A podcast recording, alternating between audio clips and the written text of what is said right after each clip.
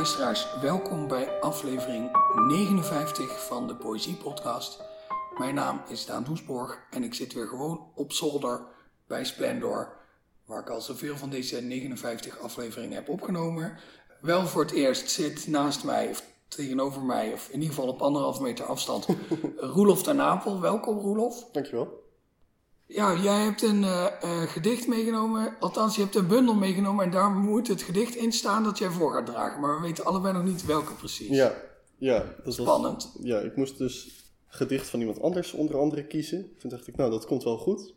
Dat lukt wel. En toen ben ik onder andere vorige week en vanochtend overal mee bezig geweest. En ik zit blijkbaar in een fase waarbij elk gedicht het niet is.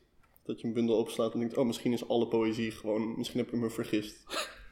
misschien is het gewoon niet goed. Maar nu heb ik bij me van, uh, ik dacht, ik ben hulpeloos, dus ik moet een zelfhulpboek. Dus ik heb van Edward van de Vendel met tekeningen van Martijn van der Linden wat je moet doen als je over een nijlpaard struikelt. Gedichten waar je wat aan hebt. Dan is het in ieder geval nog praktisch. Dan is nu nog de vraag welke welk, uh, probleem er moet worden opgelost. Ik denk dat ik toch ga voor de langzaamaan uh, moderne klassieker Wat je moet doen als je moeder huilt. Ga naast haar zitten, tegen haar aangeschoven, je armen van onder tot boven dicht op die van haar. Laat het praten maar aan vaders over, aan vriendinnen en aan zussen, en je hoeft de tranen ook niet van haar slapen af te kussen je hoeft niets te begrijpen, niets te vragen. Je hoeft haar alleen maar te schragen. Schragen, dat betekent steunen, met je lichaam dus. Als ze voelt dat ze eventjes op je mag leunen, spoelt er een beetje gedoe uit haar hoofd. Hoe? Dat doet er niet toe. Iets met draagkrachtverschuiving en onverwachte aandachtshydrauliek maar de precieze mechaniek maakt jou en je moeder natuurlijk niets uit. Je zit huid aan huid en je merkt na een fijne, zachte tijd dat het werkt. Mama giet eindelijk geen verdriet meer op de dingen en buiten begint de zon Griekse liedjes te zingen. Dankjewel. Mijn eerste vraag is dan altijd: waarom heb je dit gedicht gekozen? En ik geloof dat die vraag nog nooit zo dicht op de daadwerkelijke keuze gezeten heeft. Dus je, je zit er nu helemaal in nog, in het gevoel dat je had toen je dit gedicht koos. Ja, dit is, nou ja, dit is denk ik zo'n voorbeeld van uh, het gedicht waar je aan denkt als je aan een bundel denkt. Heel veel van die bundels of lievelingsbundels of bundels die je vaak gelezen hebt, die vatten zich toch vaak samen in twee of drie gedichten. Je onthoudt niet het hele ding, je hebt gewoon die paar dingen in je hoofd van, oh ja, dat staat erin. Dus het is misschien ook omdat ik nu deze bundel meeneem, omdat ik denk, dat gaat lukken. Hier ga ik iets uit voorlezen waar ik wat ik, wat ik daadwerkelijk voorgelezen krijg. En dan is dit iets wat zich makkelijk aandient. En waarom denk je dat dit gedicht voor jou het gedicht was waar je aan denkt als je aan deze bundel denkt? Ja, dat kunnen luisteraars natuurlijk niet zien, maar er zit een enorm mooie tekening van een, van een pinguïn bij. Die is echt heel schattig. Wacht, ik zal je even. laat ze aan jou zien, dan kan jouw reactie soort oh ja, dat is als. Goed. Eerst heb je hier. Ja, we zien een hele lieve jonge pinguïn en een hele sombere oudere pinguïn die naar de branding staart. En die kleine pinguïn loopt er heel uh, daadkrachtig, uh, maar ook een beetje wijfelachtig op af. Ja, en dan heb je op de volgende bladzij. is de pinguïn aan het knuffelen met, ik denk, dan zijn moeder. Ja. Die niet zichtbaar huilt. En dat is maar goed ook, want uh, er staat een hele lieve kinderpinguïn naast die haar ongetwijfeld net getroost heeft. Ja, exact.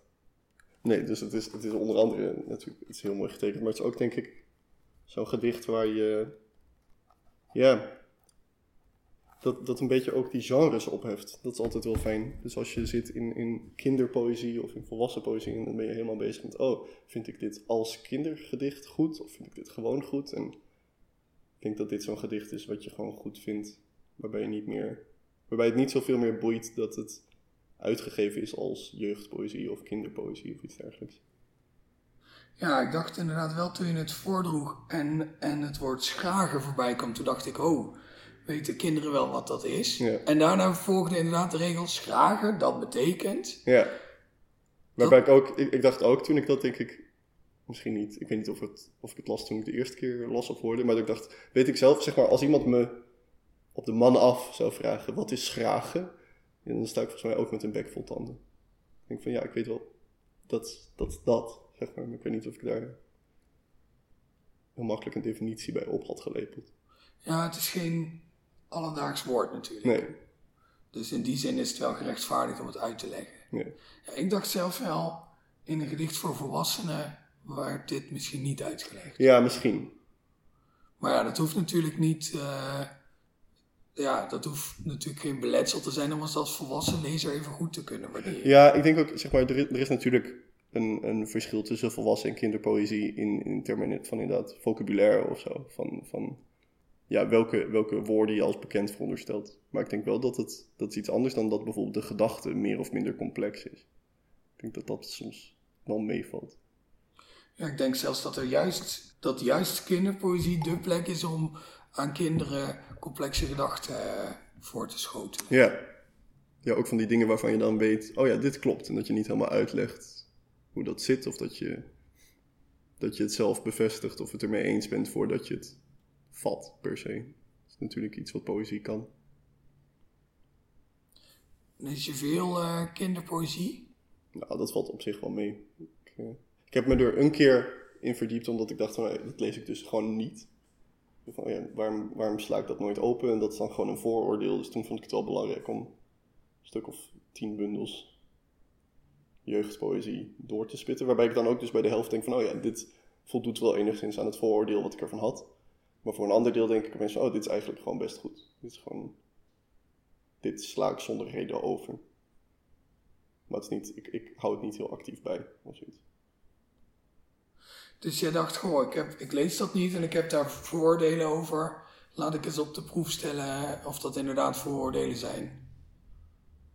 Ja, zoiets. Ja, ook, ook, ook, ik ken Edward van deze bundel, ken ik dan wel, die, die allemaal van die bundels gewoon in huis heeft. Dus ik hoefde ook niet stad en land af om aan die bundels te komen. Ik had iets van, oh geef maar mee, dan ga ik, ga ik gewoon een keer lezen. Anders weet je toch niet wat het is. Ja, dat vind ik wel een aanbevelenswaardige houding ten opzichte van heel veel dingen in het leven. Ja, maar het is ook vermoeiend soms. Je moet het niet, ik denk dat als je je levenshouding van gaat maken om alles, om al je vooroordelen te toetsen aan de werkelijkheid, dan ben je nog wel even bezig. Ja, dat klopt. Dus, en we, ja, het is natuurlijk glad ijs nu. Maar ik wou gaan zeggen, misschien heeft het hebben van sommige vooroordelen ook wel een functie. Maar aan de andere kant weet ik niet of dat zo is. Het heeft ongetwijfeld een functie, je weet alleen niet welke. Ja, en of het een goede functie Ja. is. Of een, of een functie waar, je de, waar de wereld een betere plek van wordt. Daar daar is het een vooroordeel voor. ja, maar misschien hebben we wel te veel vooroordelen over vooroordelen. We moeten ze gewoon een eerlijke kans geven. Ja, ik heb mijn voordeel over vooroordelen nooit getoetst aan. Nee. Dat is de laatste, denk ik, die je dan, die je dan doet. Ja. Ja, maar dat is ook de afgrond waarschijnlijk. Dan heb je al, stel je, je bent een, een weergaloos mens. Je hebt al je vooroordelen getoetst. Je hebt ze gewogen en dan kom je aan bij die laatste. Dat de vraag of vooroordelen wel goed of slecht zijn geweest. Als je er dan achter komt dat ze eigenlijk toch wel goed waren, dan ben je ze allemaal kwijt. Dus misschien is het dan ook. Ja, verval je in een diepe depressie. Ja, dan heb je inderdaad wel een probleem. Dus misschien moet hij als eerst. Ja, dat zou ook kunnen. Maar ja, dat, daar is het dan nu alweer te laat voor. Ik heb ook wel eens een paar voordelen op de proef gesteld. Nou ja, dat, dat was niet dit voordeel. Dus kortom, we doen het allemaal verkeerd. Ja. Eh, denk je dat jouw eigen poëzie eh, geschikt is voor kinderen? Ik heb geen idee. Je zou, je zou zeggen, oh, daar heb je wel een soort inschatting van, want je bent er toch zelf geweest, kind. Maar ik kan me daar volstrekt niet in verplaatsen. Denk ik. Verschilt per gedicht, is een beetje een makkelijk antwoord natuurlijk. Ja, maar ook wel een zinnig antwoord, denk ik. Nee, ik weet het niet. Ik denk wel dat ik niet, dat ik van nature al soms enigszins terughoudend ben met vocabulaire. Dus misschien, dat is niet helemaal een antwoord op de vraag, maar ik heb wel het idee dat als ik denk van, oh, dit is, dit is een heel jargoneske woord, dat ik dan toch me afvraag, is er niet iets mooiers? En iets moois is dan vaak iets eenvoudigers. Ja, blijkbaar. Ja, of, of het moet een functie hebben als jargon. Zeg maar, als je, als je een gedicht wil waarin iets heel erg klinkt als iemand die in een heel specifiek jargon praat, dan moet je heel specifieke woorden gaan gebruiken. Maar in een, in een. Ik weet helemaal niet of ik dit. Volgens mij zeg ik dit nu, maar ik weet helemaal niet of het klopt. Dat ik straks, als ik door mijn gedichten blader, denk van ja, maar dit zijn eigenlijk allemaal. eh, Als je zegt dat iets normaal of eenvoudig of alledaags is, bedoel je toch vaak eenvoudig voor jezelf. Dus wat ik eigenlijk aan het zeggen ben, is ik schrijf graag gedichten die praten in de taal die ik heb. Maar dat doet waarschijnlijk soort van iedereen. Ja, ik denk het ook. Maar je hebt bijvoorbeeld nooit gehoord van iemand die zei: Hé, hey, ik heb mijn eh, dochtertje van acht het woedeboek laten lezen en ze vond het echt geweldig. Nee, dat zou ik, als er iemand is die dat of heeft gedaan of zou willen proberen, dan wil ik dat wel erg graag horen. Ik heb wel een keer dat, een, ehm, dat iemand een roman aan, eh, ik denk een kind van twee, gaf. Die heeft het op geheel eigen wijze geïnterpreteerd. Met onder andere het wegscheuren van bladzijden en het in tweeën scheuren van de kaft. En kouwen, goed kouwen op de tekst. Ik heb dat niemand anders zo letterlijk zien doen. Dat gaf toch ook wel een gevoel van voldoening. Ik dacht van ja, zo kun je ook met een boek omgaan. Dan heb je weer een hele andere ervaring. Ja, dat confronteert je als schrijver gewoon met je weet helemaal, je, je hebt gewoon geen idee waar het terecht komt. Het kan ook in de mond van een peuter zitten, uiteindelijk. Dat had je vast niet gedacht toen je het schreef. Nee, maar dat is wel, het is, ehm, hoe noem je dat? Humbling, het is eh, Nederig stemmend. ver- verootmoedigend. Oh, mooier. Thanks. Eh, ook minder eenvoudig. maar eh, nee, dus de luisteraars met kinderen die hun kinderen jouw poëzie gevoerd hebben, die kunnen mailen naar poëziepodcast.gmail.com en Ja. dan stuur ik het door naar jouw Ja. geheime adres. Dat lijkt me goed. Ja, ik denk dat Edward van de Vendel ook wel echt een voorbeeld is van een dichter die vaak genoemd wordt als iemand die eh, poëzie voor kinderen schrijft, die ook door volwassenen met plezier gelezen wordt. Ja, ik denk ook, het was volstrekt logisch dat hij, denk ik, volgens mij twee, twee of drie jaar geleden ook voordroeg op de nacht. De nacht van de poëzie. Die in principe een, een, een kindervariant heeft, geloof ik, smiddags. Maar die las ook gewoon s'avonds voor en volgens mij was de zaal daar erg gelukkig mee. Dus dat was, dat was een succes, ja. Het heeft Ted van Lieshout geloof ik ook een keer. Ja, Dat is ook Ja, zo'n voorbeeld van een dichter die, eh, ja, waar je ook als volwassene prima plezier van kan hebben. ja, En ook door geraakt kan worden. Want eh, als het alleen maar leuk is, dan... eh, Ja, nou ja, vandaar misschien dat daarom ook dit gedicht eruit springt. Een deel van de gedichten in de bundel is, is meer grappig. Maar, maar bij zo'n gedicht als dit, eh, het helpt misschien ook om in te beelden van, oh ja, dit is iets wat een kind zou kunnen lezen. En, misschien dat dat ook een soort leeshouding is die het op een andere manier toegankelijk maakt. Dat je tijdens het lezen deels inbeeldt, oh wat, hoe zou dit aankomen bij een kind? En dat is natuurlijk dat is aan de ene kant gewoon een soort, soort didactisch trucje, maar het is misschien ook eigenlijk een sluiproute waardoor je het zelf kunt waarderen. Dus je beeldt je een soort kind in en je denkt van, oh, wat zou dat kind er veel aan hebben? Waarmee je eigenlijk bedoelt, oh, wat is dit een mooi gedicht. Ja, wat ik zelf ook erg had is, is ehm, nou ja, ik denk dat niemand het leuk vindt. eh, nou ja, het hangt misschien een beetje af van of je een goede verstandhouding met je moeder hebt. Maar ik denk dat niemand het echt heel erg leuk vindt om eh, hun moeder te zien huilen. Ja, Maar terwijl ik naar dit gedicht luisterde, probeerde ik me inderdaad ook voor te stellen. Want ik heb dat zelf eh, bij mijn weten niet meegemaakt. Hoe het als kind is om je moeder te zien Ja. huilen. En dat lijkt me inderdaad nog veel heftiger. ja, En, en daarboven ook nog veel verwarrender. ja. Ja, volgens mij, Edward heeft ook een gedicht over een vader die huilt. Die staat niet hierin, maar iets anders. En volgens mij is dat ook in, in die bundel een van de weinige gedichten die niet helemaal goed eindigt. Niet slecht eindigt, maar dat het, het lost wel niks op. Zeg maar, het beschrijft alles en het zet het uiteen en denkt van, oh, dit is... Oké, blijkbaar kunnen vaders ook huilen. Nou, dat neem ik dan maar voor waarheid aan, want ik heb het nu eenmaal gezien. Ik weet wel niet wat het betekent. En eh, eh, voor mij zit er zelfs een soort gedachte in van, blijkbaar is het niet genoeg dat ik besta, maar ik ben er wel en dat is goed. En een soort van dat, dat, er zit helemaal geen rondje op het eind. Dus het blijft heel mooi dat probleem aanstaren. Dat is denk ik ook een vooroordeel over kinderpoëzie, hè, dat het dat wel altijd moet hebben. Ja, Zo'n soort eh, einde met een strik erom. ja. Ja, en voor- misschien ook een voordeel bij, bij eh, poëzie überhaupt. Er zijn best veel gedichten die toch nog een rondje proberen te maken. Die op eh, de pootjes proberen te vallen. Ja, dat klopt. Maar ook best veel, veel gedichten die heel lang op een rondje af lijken te stevenen en dan aan het einde juist zo. Nee.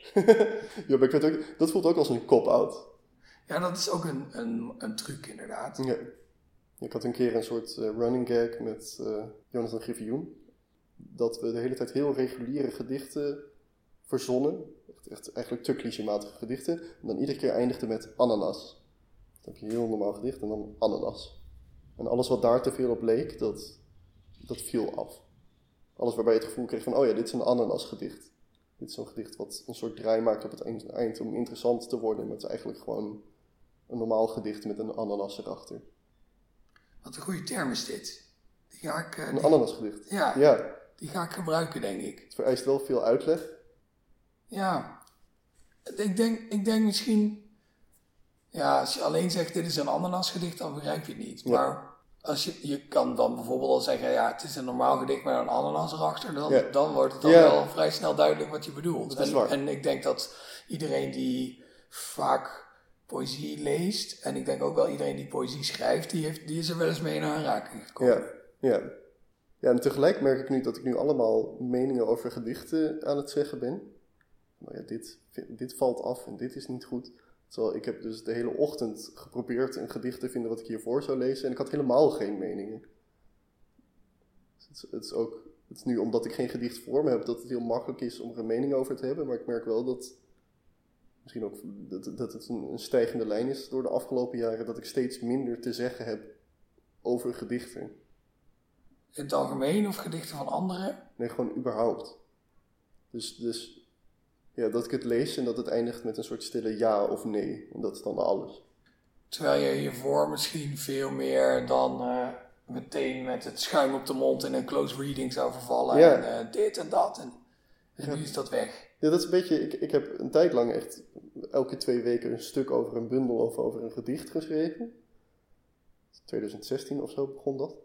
We hebben het nu over Kleks. Dit was op Kleks, ja. Is op Kleks. Heel af en toe doe ik nog iets op Kleks. Maar ik, dat is ook deels minder geworden. Dus omdat ik de hele tijd denk van, oh ja, als ik, het, als ik een, gedicht goed vind, is eigenlijk al een beetje te zwaar of zo. Het is niet goed op een soort, oh hier is de kwaliteitsschaal van de poëzie en dit is een 10 en dat is een 6. Maar gewoon van, oh ja, als een gedicht doet wat het doet, dan denk ik, oké, prima. En dan ga ik weer iets anders lezen. Of dan ga ik niks meer lezen en er een beetje over nadenken. Maar ik heb steeds minder de neiging om dan er weer een tekst overheen te plakken.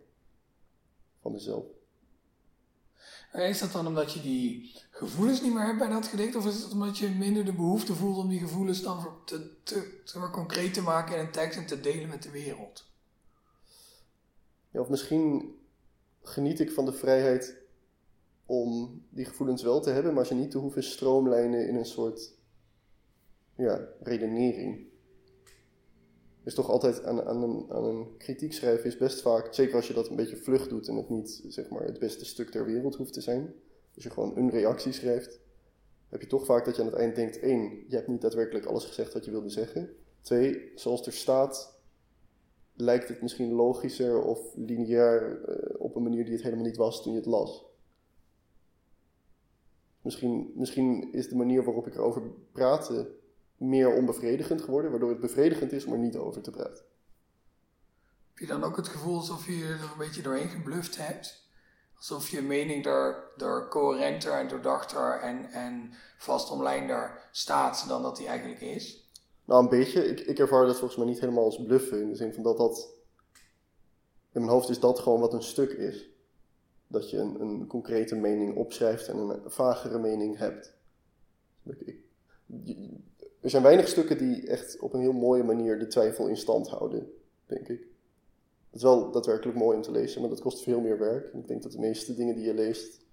Volgens mij, als je, een recensent, als je tien recensenten vraagt naar een bundel die ze gerecenseerd hebben, dan denk ik dat er minstens negen zijn die het hebben van ja, het zat wel zo, maar het zat toch ook wel een beetje anders. En ik heb het daar niet over gehad. En dit was eigenlijk wel beter, maar dat voorbeeld paste niet meer in de recensie. Of, dus het is altijd, ja, wat zo'n stuk is, is gewoon een beetje een tekortschietend ding per definitie. Ja, en, en een recensie over een bundel waarin je zegt, ja, er zit wel een goede kant aan, er zit wel een slechte kant aan, maar... Nou, die bestaan natuurlijk wel, van die drie sterren recensies. Ja. Waarin een recensent zegt, ja, ja, ja, ja, Het is niet goed genoeg om er blij van te worden. Het is niet slecht genoeg om er boos van te worden. Ja. Het zijn inderdaad wel saaie recensies om te lezen altijd. ja, en soms zijn de 5 en 1 ster recensies ook frustrerend. Niet- Niet, saai, maar wel frustrerend in dat je soms, als je een bundel gelezen hebt die 5 sterren krijgt en die helemaal geprezen wordt, maar niet om de dingen die jij er goed aan vindt, denk je van ja, je hebt het gewoon helemaal niet gezien. Je vindt het wel goed, maar je vindt het eigenlijk, je hebt gewoon de verkeerde bundel gelezen. Of als het een 1 sterren recensie is van een bundel die je niet gelezen hebt en er een voorbeeld voorbij komt waarvan je denkt, oh, hier zit wel iets in. Of je bent niet, eh, je bent niet heel genadig tegen wat hier misschien daadwerkelijk op papier staat. Een soort, soort alle recensies raken, raken half op. Of zo, alle zin om die te lezen. Maar ja, dat, dat, is, ook te, dat is ook te stellig. Ja, eigenlijk wel. Als recensie van recensies, Ja, eh, ehm, te veel één ster Ja. voor recensies. ja, er zijn ook wel vier sterren recensies. Ja. Misschien zijn dat de beste, gewoon vier sterren. Ja. Dus je, je, je erkent de vuilbaarheid, maar Ja. je bent ook enthousiast. Ja, en misschien eh, zo'n zo'n vier sterren recensie waarbij je er niet achter komt waarom iemand dan geen vijf sterren heeft gegeven. Ja, dat vind ik altijd wel frustrerend hoor. Je ziet ook wel eens drie sterren recensies en dan worden er alleen maar positieve dingen opgenoemd. Ja. Dan denk ik, ja, waarom, is, waarom geef je dan drie sterren? Ja. ja, misschien is dat wel heel, heel accuraat. Een accurate representatie van hoe het voelde om te lezen. Dat je zegt van, oh ja, dit is wel aardig, maar dat je op geen enkel moment, zeg maar, uit je school uit je school, dat je op geen enkel moment uit je stoel geveerd bent. Nee, dit, ik ga deze hele zin opnieuw. Deze zin strand hier. Ja, Dat, is goed. Laten we erin. ja. En twee sterren recensies? Dat is niet eigenlijk de vier sterren recensie van de andere kant. ja, maar die zie je bijna nooit. Nee, dat is waar. Er Ik denk- er- Een twee ster recensie is meestal een recensie waarbij je het gevoel hebt dat iemand het leven niet had om één ster te geven. Ja, en de echte twee sterren recensies zijn meestal drie sterren recensies. Zegt ja, het was niet goed, maar het had ook wel een positieve kant. Ja. Drie sterren.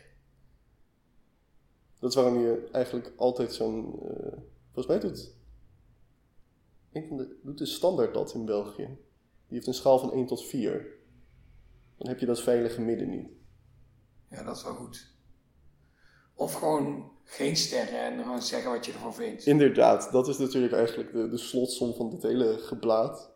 Dat die hele sterrenboel oninteressant is. En dat, wat wel vaak tof is om te lezen als iemand iets leest en dan verslag doet van, oh ja, dit is wat er in me omging. Maar dat het ook niet de pretentie heeft om die bundel, zeg maar, bloot te leggen of zoiets. Ik lees volgens mij veel, veel liever iets van iemand die gewoon ook het opneemt in, in, in zijn dagelijks leven. Ik zou het heel leuk vinden als iemand zegt van, ja, dit gedicht is heel mooi, maar ik heb wel een beetje gekke ervaring mee. Want de eerste keer dat, het las, dat ik het las, werd het halverwege onderbroken doordat mijn kind van zolder riep omdat er iets gevallen was. En toen moest ik weg van het gedicht. En toen kwam ik terug en dat had echt ook invloed op hoe ik het las. Zeg maar, dat kan in een recensie bijna niet, omdat, ja, weet ik veel, de redactie zegt van ja, maar dit is wel heel particulier. Maar Ja, volgens zo'n mij, recensent moet in een soort vacuüm bestaan met zijn meningen. ja, die moet, die moet een soort van belichaming zijn van een soort van homogeen publiek dat er blijkbaar is. Ik heb nog nooit iemand ontmoet die dat daadwerkelijk is, maar dat is een soort idee van objectiviteit wat nog steeds heerst. Ja, het zou wel verfrissend zijn misschien, hè? Een recensent die gewoon schaamteloos particulier is ergens over. Ja. En ook zegt van ja, dit is hoe ik het gelezen heb. Maar vat dat vooral niet op als een aansporing of een ontmoediging om deze bundel te kopen. Ja, je merkt denk ik ook dat als, als, dat, als het zo'n recensie is, dan kan het heel negatief zijn over de bundel en alsnog je ertoe aanzetten het te kopen. Als als er iemand echt hardgrondig kwaad is op een boek of bundel, ook voorbeelden geeft van, oh, maar dit was zo nihilistisch of dit is hup, hup, en die geeft allemaal voorbeelden en dan denk je mensen van, oh, dit is echt fantastisch waarschijnlijk. En misschien heb je precies ook hetzelfde gevoel als je het leest, is wel ja, zo'n een recensie waarin iemand zichzelf meer blootgeeft dan de bundel dat getuigt toch vaak van iets wat die bundel kan doen of zijn. En niet van wat het in een of ander abstract, theoretisch eh, vacuüm is. Iemand heel erg kwaad maken is ook iemand raken Ja. met je poëzie. Ja. En als iemand dan ook nog heel erg goed kan vertellen waarom die kwaad is, dan is de zaterdagmiddag wel weer goed. Kun je lekker lezen. Ik kan me niet voorstellen dat mensen hier heel erg kwaad om gaan worden. Maar zou je het gedicht van Edward van de Vendel nog een keer willen lezen? Ja, laat ik dat doen. Zouden die mensen er zijn die heel erg boos worden van dit gedicht? Ja, waarschijnlijk mensen die dan vinden dat, het, dat poëzie moet schuren of veel bozer moet zijn. Of dat- Ja, Als je een heel specifiek soort poëtica hebt over wat een gedicht moet doen of zijn, dan kan ik me best voorstellen dat dit er niet aan voldoet. ja, dat is waar. Als je Mooi. echt een zeur bent. Zoiets. Als je je moeder niet zou troosten. Wat je moet doen als je moeder huilt. Ga naast haar zitten, tegen haar aangeschoven, je armen van onder tot boven dicht op die van haar. Laat het praten maar aan vaders over, aan vriendinnen en aan zussen, en je hoeft de tranen ook niet van haar slapen af te kussen. Je hoeft niets te begrijpen, niets te vragen, je hoeft haar alleen maar te schragen. Schragen, dat betekent steunen met je lichaam dus. Als ze voelt dat ze eventjes op je mag leunen, spoelt er een beetje gedoe uit haar hoofd. Hoe? Dat doet er niet toe. Iets met draagkrachtverschuiving en onverwachte aandachtshydrauliek, maar de precieze mechaniek maakt jou en je moeder natuurlijk niets uit. Je zit huid aan huid en je merkt na een fijne, zachte tijd dat het werkt. Mama giet eindelijk geen verdriet meer op de dingen en buiten begint de zon Griekse liedjes te zingen. Dankjewel. Ook wel echt een, een mooi vreemd einde. Ja, ik weet ook niet of ik echt heel veel Griekse liedjes ken, maar het doet het wel. Ja, ik moet denken aan eh Guten Morgen Sonnenschein van Nana Mouskouri. Die is dan wel Grieks en het liedje is Duits. Dus ja, dit is een randgeval. Eh, maar goed genoeg, is ook een vrolijk liedje. Ja, Over vrolijke liedjes gesproken. Jij brengt dit jaar nog een nieuwe bundel uit. ja Eh, wanneer ook alweer? oktober. En hoe heet die ook alweer? Dagen in huis. En is het een bundel met vrolijke liedjes? Ehm, nou, het is wel een bundel waarin ik eens dacht, laat ik eens proberen ook na te denken over wat het is om blij te zijn. Na het woedeboek. Na het woedeboek en in het vlees was toch ook wel een een wat boze bundel. Ik heb ook een anekdote die, die per zuiver toeval bij mij terecht kwam. Dat iemand in het vlees aanschafte en zei van ja, ik vind het wel goede poëzie, maar het is wel allemaal heel zwaar. En de boekverkoper kende mij toevallig. Dus, nou ja, kende mij toevallig, dat was mijn broer. Ehm, dus die kende me niet toevallig. Dat is heel structureel waarom die me kende. Maar ja, die, die hoorde dat dus. Zij wist niet dat dat mijn broer was. Maar ik heb daarna wel vaak gedacht, oh je hebt wel gelijk. Het is inderdaad wel allemaal een soort van "Wuh, zwaar. Dus ik dacht wel, een deel, ik weet niet, het is niet dat ik naar aanleiding van die opmerking andere poëzie ben gaan schrijven. Maar ik denk wel dat het een bundel is die iets meer, ik weet niet of die blij is, maar is dat iets meer de vraag hoe je dat moet zijn? Dat is al iets. En uit die bundel heb jij anderhalf gedicht meegenomen. Anderhalf, ja, want het tweede gedicht heet PS. Dus het is eigenlijk al een soort nakomertje. En die lees ik dan ook na het andere gedicht gewoon direct door. Het eerste gedicht heet Aan de Hoop. Of hoop de sombere huizen overslaat. Bij welk licht vindt ze de deur van wie niet langer op haar wachten kan, nu de haastige avond tot haast dwingt, de nacht ons vaker herinnert aan openstaande rekeningen. Zullen we maar zonder haar beginnen? In wiens naam, waar zullen we ons bij neerleggen? Bij de slag van laagvliegende vogels boven de lege pleinen, bij door wind uit rechte lijnen afwijkende regen, bij het in alle bermen trillende gras, afval dat in kale struiken bleef haken, bij metrodeurtjes die niet opengingen, de grijze veelkleurige lucht, de trein die voorbij schiet tussen de huizen, slaande koorden van vlaggenmasten, hun metalen en meeuwig geschreeuw over het industrieterrein. Nachtrust die niet komen wou. Elk haperend scherm. We leggen ons neer. Elk leven verzamelt in zich veelzijdig bewijsmateriaal van onvervuld verlangen. We leggen ons neer. We worden wat ons overkomen zal. Zonder antwoord daalt de vraag verder af. Slaat hoop de sombere huizen over, of overleeft nog een zich stug verzettend licht, lukraak door het donker verstrooid, van gister, van morgen. Meer en meer jaagt de avond zich de middag in, treedt de nacht buiten haar oevers. Het donker stijgt, of hoop zich ontlopen laat. of wie er niet op wacht haar toch ontvangen kan. Of hoop onzichtbaar is als door licht verhulde hitte. Een lucifer die niet opbranden wil, onze vingers heet toeneigen blijft. PS. Elke brief komt te laat, maar misschien wacht je op brieven zodat je hart van iets anders kan schrikken. Rest de vraag of dat is waar een hart voor dient. Dankjewel. Wat de uh, luisteraar niet kan zien, maar ik wel. En dan denk ik overigens ook weer aan, aan uh, Ted van Lieshout en zijn blokgedichten.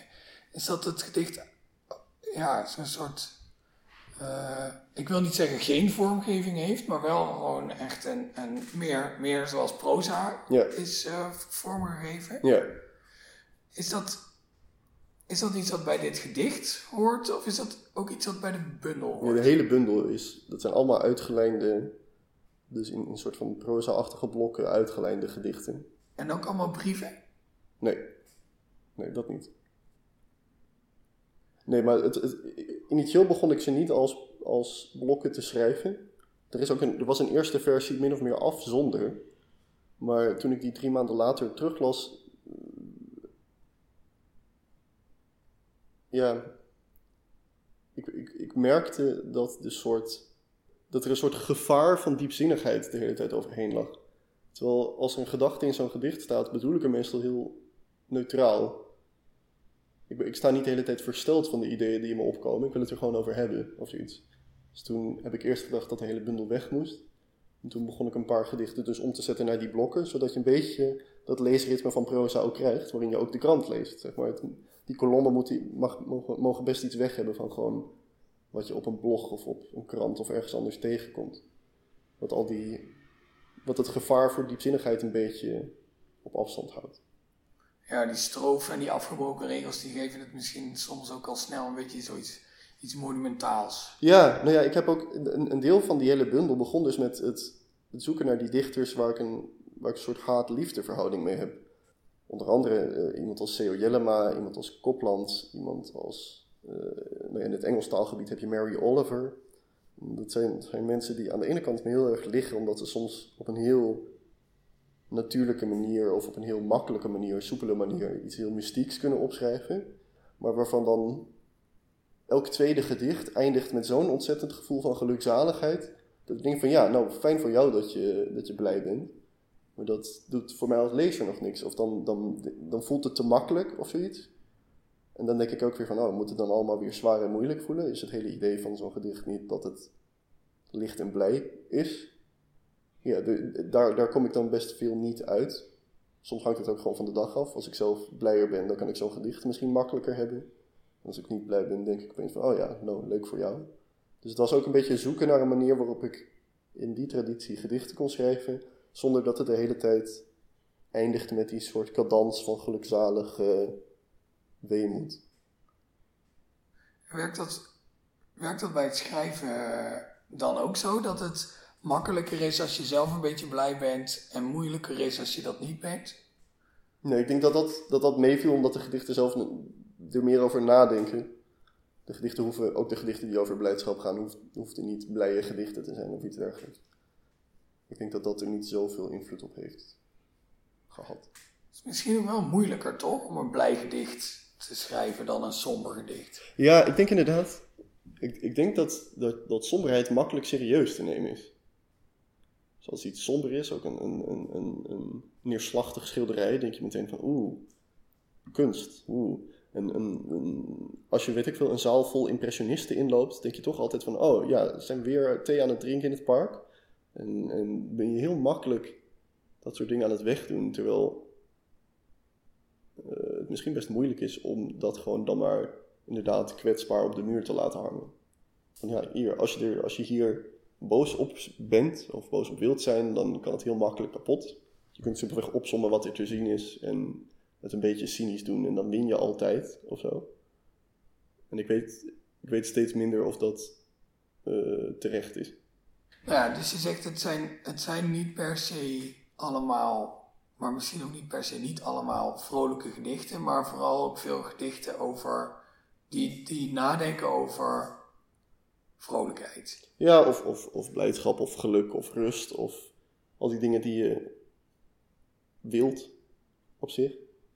Tenminste, die, die, die, die lijken dat soort gevoelens. Maar ja, als je, als je inderdaad een gedicht schrijft, ban je ze snel uit. Vind je ze snel niet serieus. En, maar, maar ja, dus wel met, met de, de kanttekening dat ik het niet.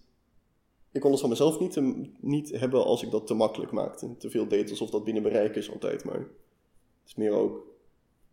Het is misschien deels ook de vraag van: oh ja, is, is geluk iets wat je kunt hebben precies op het moment dat het onmogelijk lijkt? Is, is geluk niet altijd een soort uitzonderingstoestand? Ik weet niet of dat, zeg maar, dat klinkt niet als een blije gedachte, maar het is wel, het is wel ook niet zonder meer somber.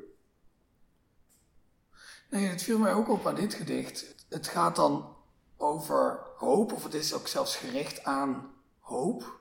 Maar wat ik, wat ik zelf als lezer ehm, daar in dat gedicht las, is eigenlijk vooral, vooral juist alles om de hoop heen. Ja, Alsof die hoop eh, door een soort eh, dichte stad loopt, waar iedereen binnen zit in lockdown. ja, En eh, nergens eh, staat de deur van ramen open waar die hoop door naar binnen kan. ja.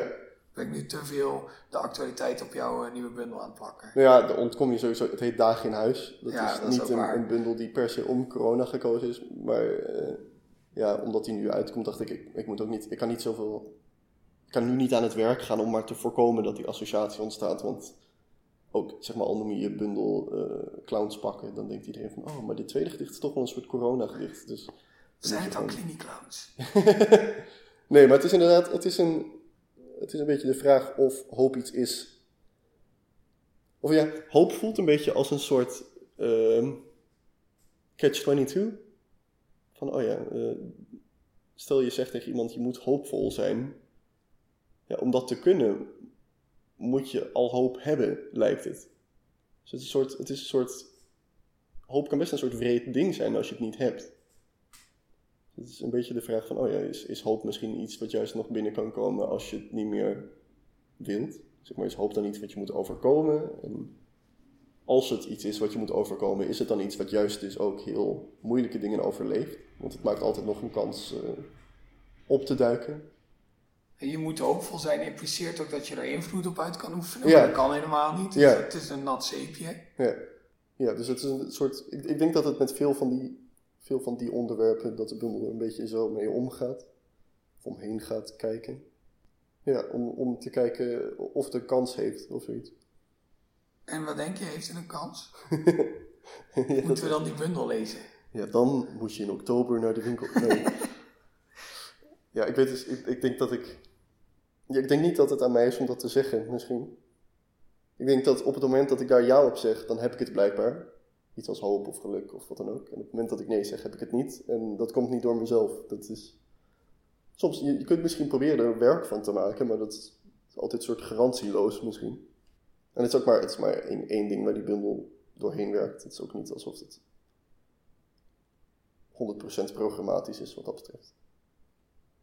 En dit is dan bijvoorbeeld een gedicht over hoop, maar het is niet per se een hoopgevend gedicht. Nee, Vind je ook dat dat dan eh, dat dat niet jouw taak is of niet jouw verantwoordelijkheid als schrijver om mensen bijvoorbeeld hoop te geven, om mensen aan te praten dat eh, geluk eh, voor het oprapen ligt? ik denk dat dat in ieder geval gevaarlijk is om te doen, want je weet helemaal niet wie dat leest. Ik denk, zeg maar, eh, iets aan iemand anders geluk aanpraten, heeft altijd iets weg van iemand die een kruik water in zijn hand heeft, tegen iemand anders zegt, oh je moet niet zoveel dorsten, maar niet die kruik geeft, want die kruik die kun je gewoon blijkbaar niet overdragen of zoiets. Ja, iemand die tegen iemand met een depressie zegt, ja, maar je moet gewoon, eh, je moet gewoon blij zijn, want het leven is mooi. Ja, er is nog wel, er is nog wel iets waard. Ja, als ik dat kon zien, dan. dan ja, dat je. Dat je dus misschien is ook een deel. Ik heb er ironisch genoeg helemaal niet over nagedacht dat dat gedicht van Edward hier nog wel iets mee te maken heeft wat dat betreft. Ik had inderdaad ook al eh, een terugkoppeling naar het gedicht van Edward eh, klaarstaan, maar jij mag eerst. Ja, nee, omdat het inderdaad dus gaat van: oké, wat moet je doen? Het, die hele bundel is soort van bijna praktisch opgezet. Wat moet je doen als X? En in dit geval, wat moet je doen als je moeder? En, en op een bepaalde manier is het antwoord niks, maar een beetje dichtbij blijven. En hoe, hoe dat precies werkt, dat weten we ook niet. Maar Nou ja, dat is, dat is een goed iets om te doen. Misschien, misschien is dat wat er zo in, in dat gedicht zo'n mooie gedachte is. Van, oh ja, we weten dat dit goed is. Ga er maar naast zitten. Dan hoef je verder helemaal niks te doen. En dat is, dat is een goed iets. Ja, hij zegt op zich, ja, hij zegt op zich wel dat het dan ook goed komt. Ja, of het, het wordt in ieder geval iets minder slecht. Zoiets. Maar het hoeft natuurlijk niet zo te zijn. Hij neemt wel een gok daarmee. Ja, En die gok neem jij niet in je nieuwe bundel. nou ja, is- ik denk dat er ook wel een gedicht in zit wat iets meer zo'n gok neemt. Maar dat is, niet, dat is voor mij, voor mijn gevoel, niet de taak of zoiets. Niet per se. Ik denk ook niet dat Edward dat denkt trouwens. Dat het de taak is van de dichter om iedereen blij te maken. Maar ik denk wel dat het. Dat zou ik hem moeten vragen. Of, het, of die denk ik. Ik denk dat hij ermee eens zou zijn dat het gemakzuchtig is om. dan maar. neerslachtigheid te verspreiden. Oh ja, ik, ik kan het geluk niet delen, dus. ik moet de gok niet nemen en de hele tijd. robuuste, serieuze, neerslachtige gedichten schrijven.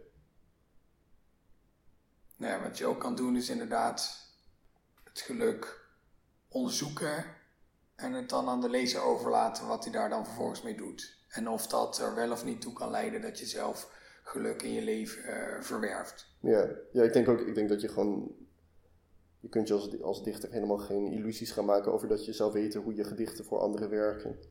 Ik heb ook wel, ik heb ook wel gemerkt dat een gedicht dat voor mij heel theoretisch als voor iemand anders heel ontroerend was. Je moet gewoon bezig zijn met waar dat gedicht mee bezig is. Niet te veel met hoe het, hoe het moet slagen of zo. Een gedicht schrijven om het te laten slagen, dat gaat waarschijnlijk vaak mis. Ja, dat denk ik ook. Of een gedicht met een boodschap eh, de wereld insturen. Ja. Ik denk dat weinig mensen die bijvoorbeeld oorlog een heel goed idee vinden, ooit een gedicht hebben gelezen of waarin met als boodschap oorlog is slecht, voer geen oorlog. ja. En dat ze dat gedicht dachten en, la- en dachten van, verdomme, inderdaad. ja dat, dat is Haal ik er nu allemaal dingen bij die het weer wel weer veel te complex maken. Nee, ik moet nu wel denken aan het gevoel dat ik dus altijd ook heb als rond de kerstdagen Imagine opkomt. Waarbij ik ook aan de ene kant kan denken van, nou, wat een mooi sentiment of zo. Aan de andere kant denk van, wow, super naïef. Er is iets daar wat wel lijkt op hoe je soms met, nou ja, hoe, hoe ik dan soms naar, naar zo'n Mary Oliver gedicht kijk. Ik weet dus niet of de aantijging van naïviteit terecht is, maar zo, dat voel je wel. Ja, alsof de, alsof de gevoelens in het gedicht alleen resoneren bij de mensen die voor dat gedicht ook die gevoelens al hadden. Ja, of, of dat die gevoelens alleen maar kunnen bestaan bij gratie van iets wat je dan ervaart als blindheid. Terwijl op sommige andere, op, op een ander moment lees ik zo'n, misschien zelfs het, precies hetzelfde gedicht en dan raak ik er opeens van overtuigd, nee, dit is juist iemand die alles ziet, zeg maar op een bepaalde manier ziet dat het gruwelijk is, en daarna dit gedicht schrijft. En ik, ik weet niet of ik het verschil begrijp. Ja, dus het verschil tussen eh, doen alsof klimaatverandering niet bestaat en genieten van het mooie weer. Ja. En ten volste beseffen dat klimaatverandering bestaat en gevaarlijk is. Ja, En genieten van het Ja. mooie weer. En op een dijk gaan staan en denken, wat een prachtig, eh, prachtige zon op het water. Ik weet ook niet zo goed bij welke groep ik hoor als ik geniet van het mooie weer. Ja, Ik denk soms bij de ene, soms bij de ander. ja. Ja, ik weet dus, ik, ik, misschien dat ik me steeds meer afvraag of die groepen verschillen. Maar misschien is soms iemand die daar na, naïef van geniet. Zeg maar, ja, dat, misschien is dat de vraag. Eh, iemand die daar op een niet naïeve manier van geniet, is die beter aan het genieten? Zeg maar, iets in mij wil heel graag ja zeggen. Van, oh ja, nee, je moet het eerst zien. Je moet er eerst kennis van hebben. En als je dan alsnog gelukkig bent, dan doe je het goed of zoiets. Alsof, dat, alsof je daarmee meer vooruit komt dan wanneer je gewoon naar buiten stapt en denkt van, oh, wat een lekkere zon. En het niet helemaal door je heen schiet dat dat in februari misschien niet helemaal op dezelfde manier normaal is. Februari zou ik er wel meer moeite mee hebben dan in juni bijvoorbeeld. maar eh, ja, dan, dan, dan kom je ook al wel in de buurt van de vraag dat bijvoorbeeld iemand die eh, heel weinig academisch verstand van poëzie heeft. Ja. Dus ik wil niet zeggen weinig verstand van poëzie, want dat vind ik aanmatigend. Maar iemand Ja. die weinig academisch verstand van poëzie heeft. Ja, En oprecht heel erg kan genieten van een gedicht van Toon Hermans. Geniet die meer of beter dan iemand die wel eh, heel erg eh, onderlegd is in de eh, gevestigde orde van de literatuur. En die heel erg geniet van een gedicht van Tonnes Oosterhof, Ja. bijvoorbeeld. ja. Nee, ik denk inderdaad dat, dat, dat ik dat... Ik heb ook niet, ik heb niet per se de neiging dat te zeggen, maar ik denk wel dat ik oprecht moet zijn over dat dat zo voelt. Dat ik denk van, eh, dat als je, als, als je ergens niet van kunt genieten en van iets anders wel, en iemand anders kan van dat ene wat je eigenlijk makkelijk vindt genieten, dan ben je toch geneigd te denken van, oh, dan zie je het dus niet goed. Ik denk dat dat dat iets is wat ik vaak wel lelijk kan vinden aan mezelf, maar ik denk wel dat dat waar is. Dat is ook glad ijs natuurlijk, want je bent al heel snel eh, elitaristisch. Ja, en, en het is natuurlijk de makkelijkste manier om niet te hoeven zoeken naar je eigen blinde vlek. Van, oh kijk, jouw blinde vlek. Dat je denkt van, nou, ik doorzie alles. En dat is natuurlijk totale onzin. Het is ook, ik las laatst, of laatst, ook al denk ik weer twee jaar geleden, bij Iris Murdoch. Dat was een essay over moraliteit. En over filosofen die moraliteit heel erg linkten aan bewustzijn. Oh, het goede doen heeft te maken met goede intenties hebben en dat soort. Die, die, die zeg maar goed gedrag helemaal opsluiten in het hoofd. Dat zij iets zei van, oh ja, maar een, een, een, het moet mogelijk zijn dat een leven zonder enige reflectie alsnog deugdelijk is geweest.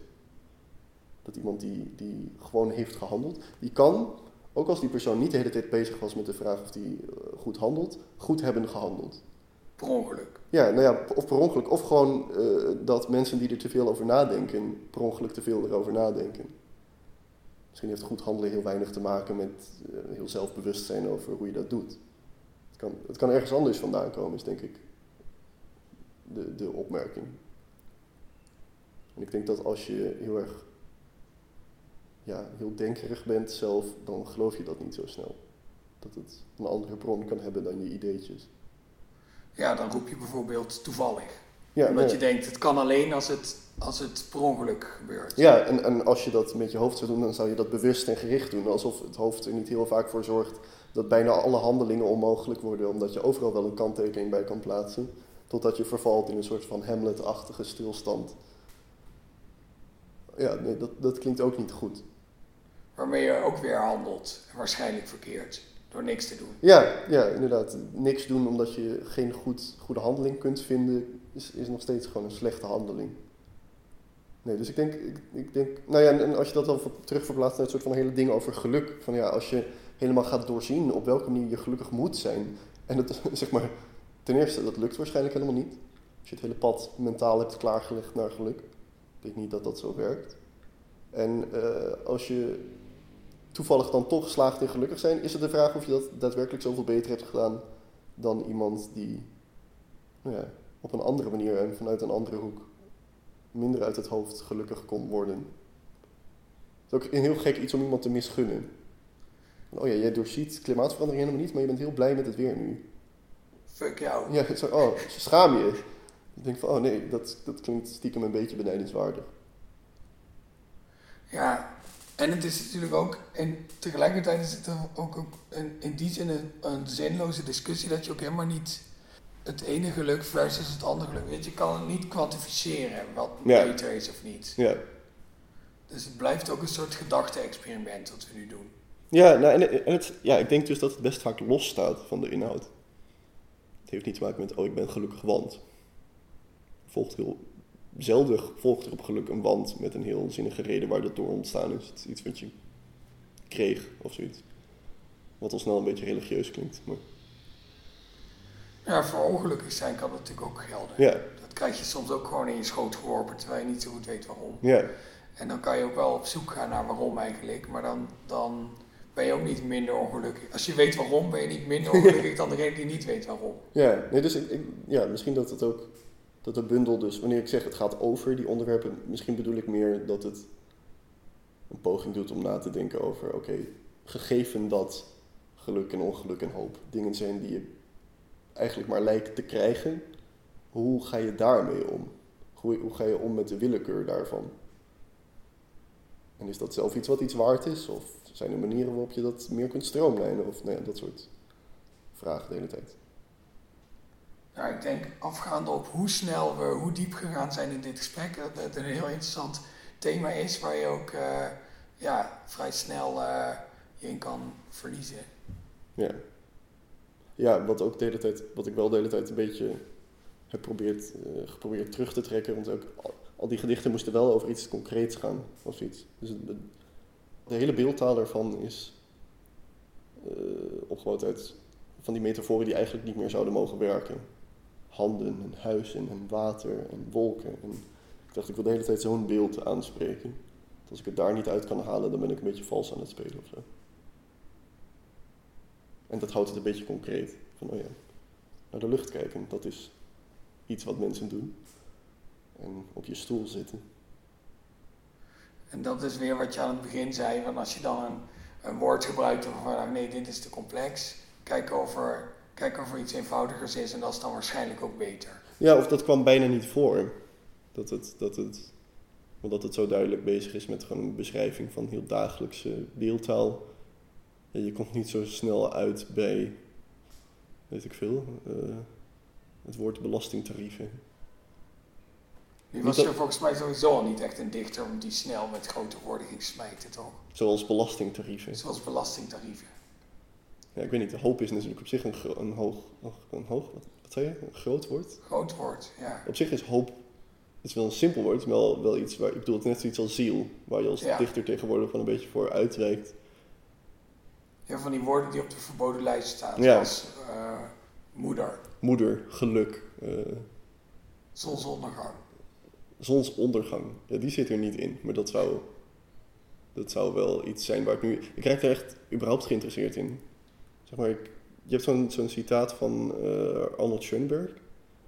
Ja, die, die in het begin van de 20e eeuw de meest bizarre, rare shit aan muziek ging componeren. En die schijnt dus ergens gezegd te hebben van, nou ja, er valt ook nog steeds genoeg muziek te schrijven in C groot. Zeg maar, het kan nog steeds ook gewoon met de witte toetsen. Ik denk dat, dat mijn fascinatie nu steeds meer daar ligt. Van oké, hoe kan ik aan de ene kant dus recht doen aan een soort hedendaagse gevoelswereld en in C schrijven. Zoals Rutger Kopland en al die andere dichters die ja. je noemde. Leo Vrooman moest ik ook aan denken, dat is er ook zo één. En die er dus gek genoeg ook altijd in slagen, daar heb ik het wel eens eerder in deze podcast ook over gehad. Die erin slagen om van die hele grote begrippen te gebruiken. Ja. Waarvan je zegt van ja, dat, dat kan, dat kan eigenlijk niet in een fatsoenlijk gedicht. Ja. En er dan toch mee wegkomen. Ja, maar dat, dat is echt het gevoel, ermee wegkomen. Ik denk dat ik dacht van oké, hoe en soms ook niet. Mijn vraag was ook de hele tijd, oké, wat gaat er mis op het moment dat ze er niet mee weg lijken te komen? En is dat iets wat dus te maken heeft met ook een verschuiving van toen naar nu misschien? Zeg maar, is, dat iets, is dat iets wat toen misschien ook meer kon en wat nu minder kan? Zeg maar, is het gewoon een gedicht dat het gevaar loopt over datum te gaan? Maar ja, ik wilde inderdaad dat zo'n zo, zo soort gedicht, dat slaggedichten wat de hele tijd wegkomt met veel te grote uitspraken of te grote woorden of abstracties of beelden die al 3000 jaar oud zijn. Kom vanavond met verhalen hoe corona is verdwenen en herhaal ze duizend malen. Allemaal zal ik wenen. Zoiets. Ja, en dan misschien zonder corona. ik dacht, ik haal het even naar het nu. Ja, nee, maar het, ja. Nee, het, het, het is moeilijk om. Maar dat, dat vond ik dus ook lastig. Eigenlijk wilde ik zo'n gedicht meenemen. Ik wilde zo'n gedicht als gedicht van iemand anders voorlezen. Maar vandaag vond ik ze allemaal niet. Elke, elke die ik opensloeg, dacht ik: nee, dit komt er niet mee weg. Dus toen dacht ik ook: van ja, het ligt blijkbaar deels aan mezelf. Je moet er misschien ook voor openstaan om ze ermee weg te laten komen. Het is, niet, het is geen universeel ermee wegkomen. Het, is, het, is ook, het vergt ook welwillendheid van de lezer. Ja, maar ik denk, ja, deels is die welwillendheid misschien soms af te dwingen door, door gewoon echt, weet ik wel, metrische spanning of en er zijn wel een paar, er is minstens één gedicht van Kopland wat ik mee had kunnen nemen, maar dat iedere keer wanneer het erover gaat, kom ik weer met dat gedicht van Kopland. Dus ik dacht, dat wil ik niet doen. Dus er waren ook, er waren ook wel randvoorwaarden waarom sommige gedichten sneuvelden voordat ze hier konden aankomen. En dit gedicht uit, uit jouw bundel, waarom is dat uh, naar boven komen drijven als het gedicht dat je hier vandaag wilde lezen?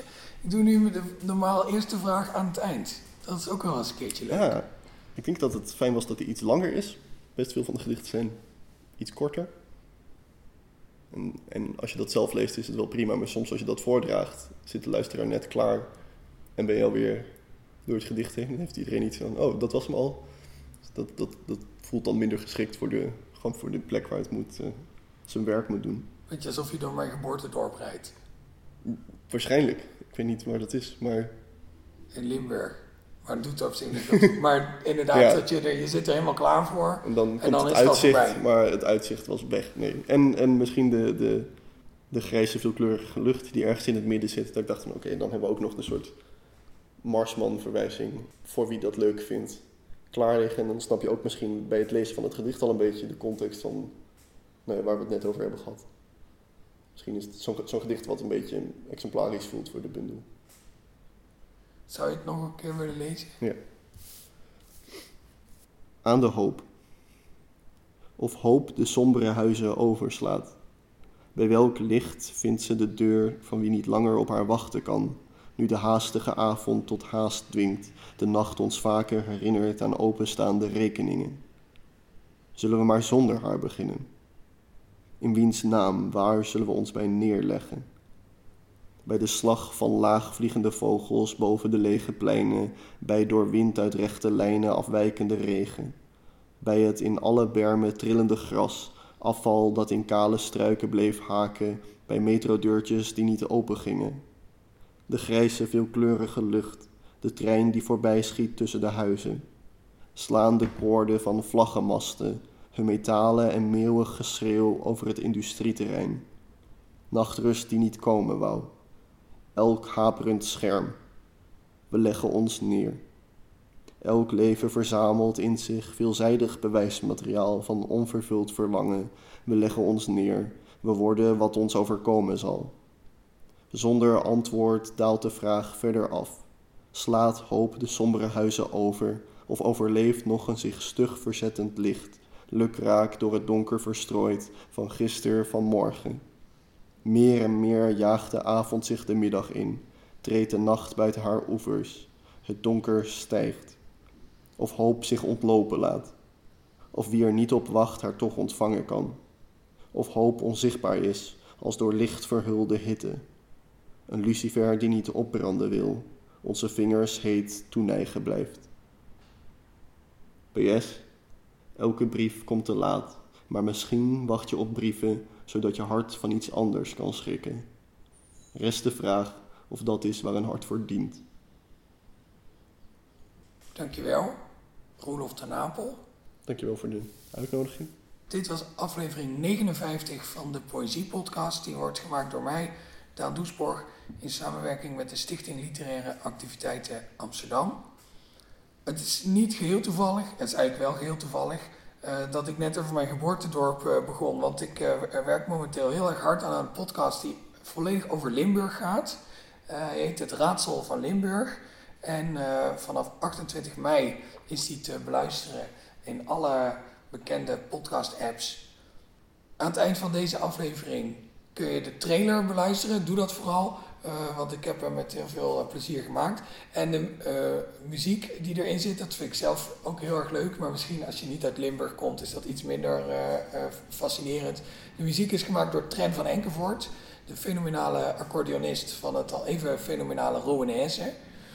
De muziek bij deze podcast, die ik ongeveer nu in ga starten, is gemaakt door Bart de Vrees. Ook al zo'n geweldige muzikant die geweldige muziek gemaakt heeft. Heel graag tot volgende maand.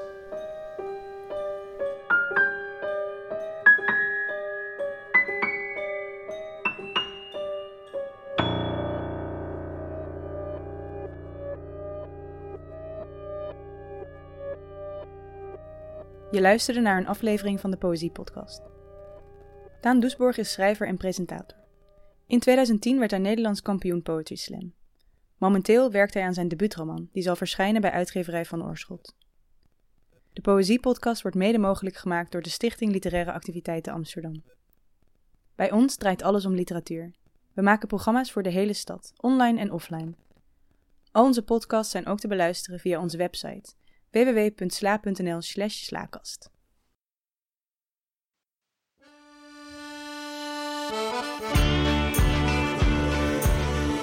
Vanaf 28 mei te beluisteren Het Raadsel van Limburg. Gaan over Limburg. Limburg. Limburg. Limburg. Limburg. Nou, laat ik het zo zeggen. Venlo heeft altijd een warm plek op in mijn hart. Want ik ben daar geboren en getogen. Het is echt mijn thuis. En ik zal Venlo altijd meedragen naar waar ik naartoe ga. Mijn naam is Daan Doesborg en in vier afleveringen ga ik op zoek naar wat de essentie van Limburg nu eigenlijk is. Ja, dit is het optrekje van André Rieu. Ik denk dat dat aan een streek katholiek is en dat bewust beleeft, dat dat ook een factor is die ook bepaalt dat je, dat je een era kunt feesten met elkaar en dat je door Burgondisch kunt leven.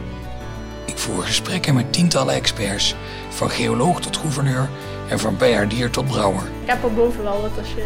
Oh ja? Als het goed is, dan staat de tap aangesloten. Oh, maar dat zou me zo bijzonder gelukkig maken. Gaan we daarheen. De muziek is van niemand minder dan... Traan van Enkevoort. Luister vanaf 28 mei naar Het Raadsel van Limburg. Een podcast in samenwerking met de Bibliotheek Venlo. Te vinden in alle podcast-apps en op www.bibliotheekvenlo.nl. Dat is het eerste wat je eruit mag knippen. Is goed.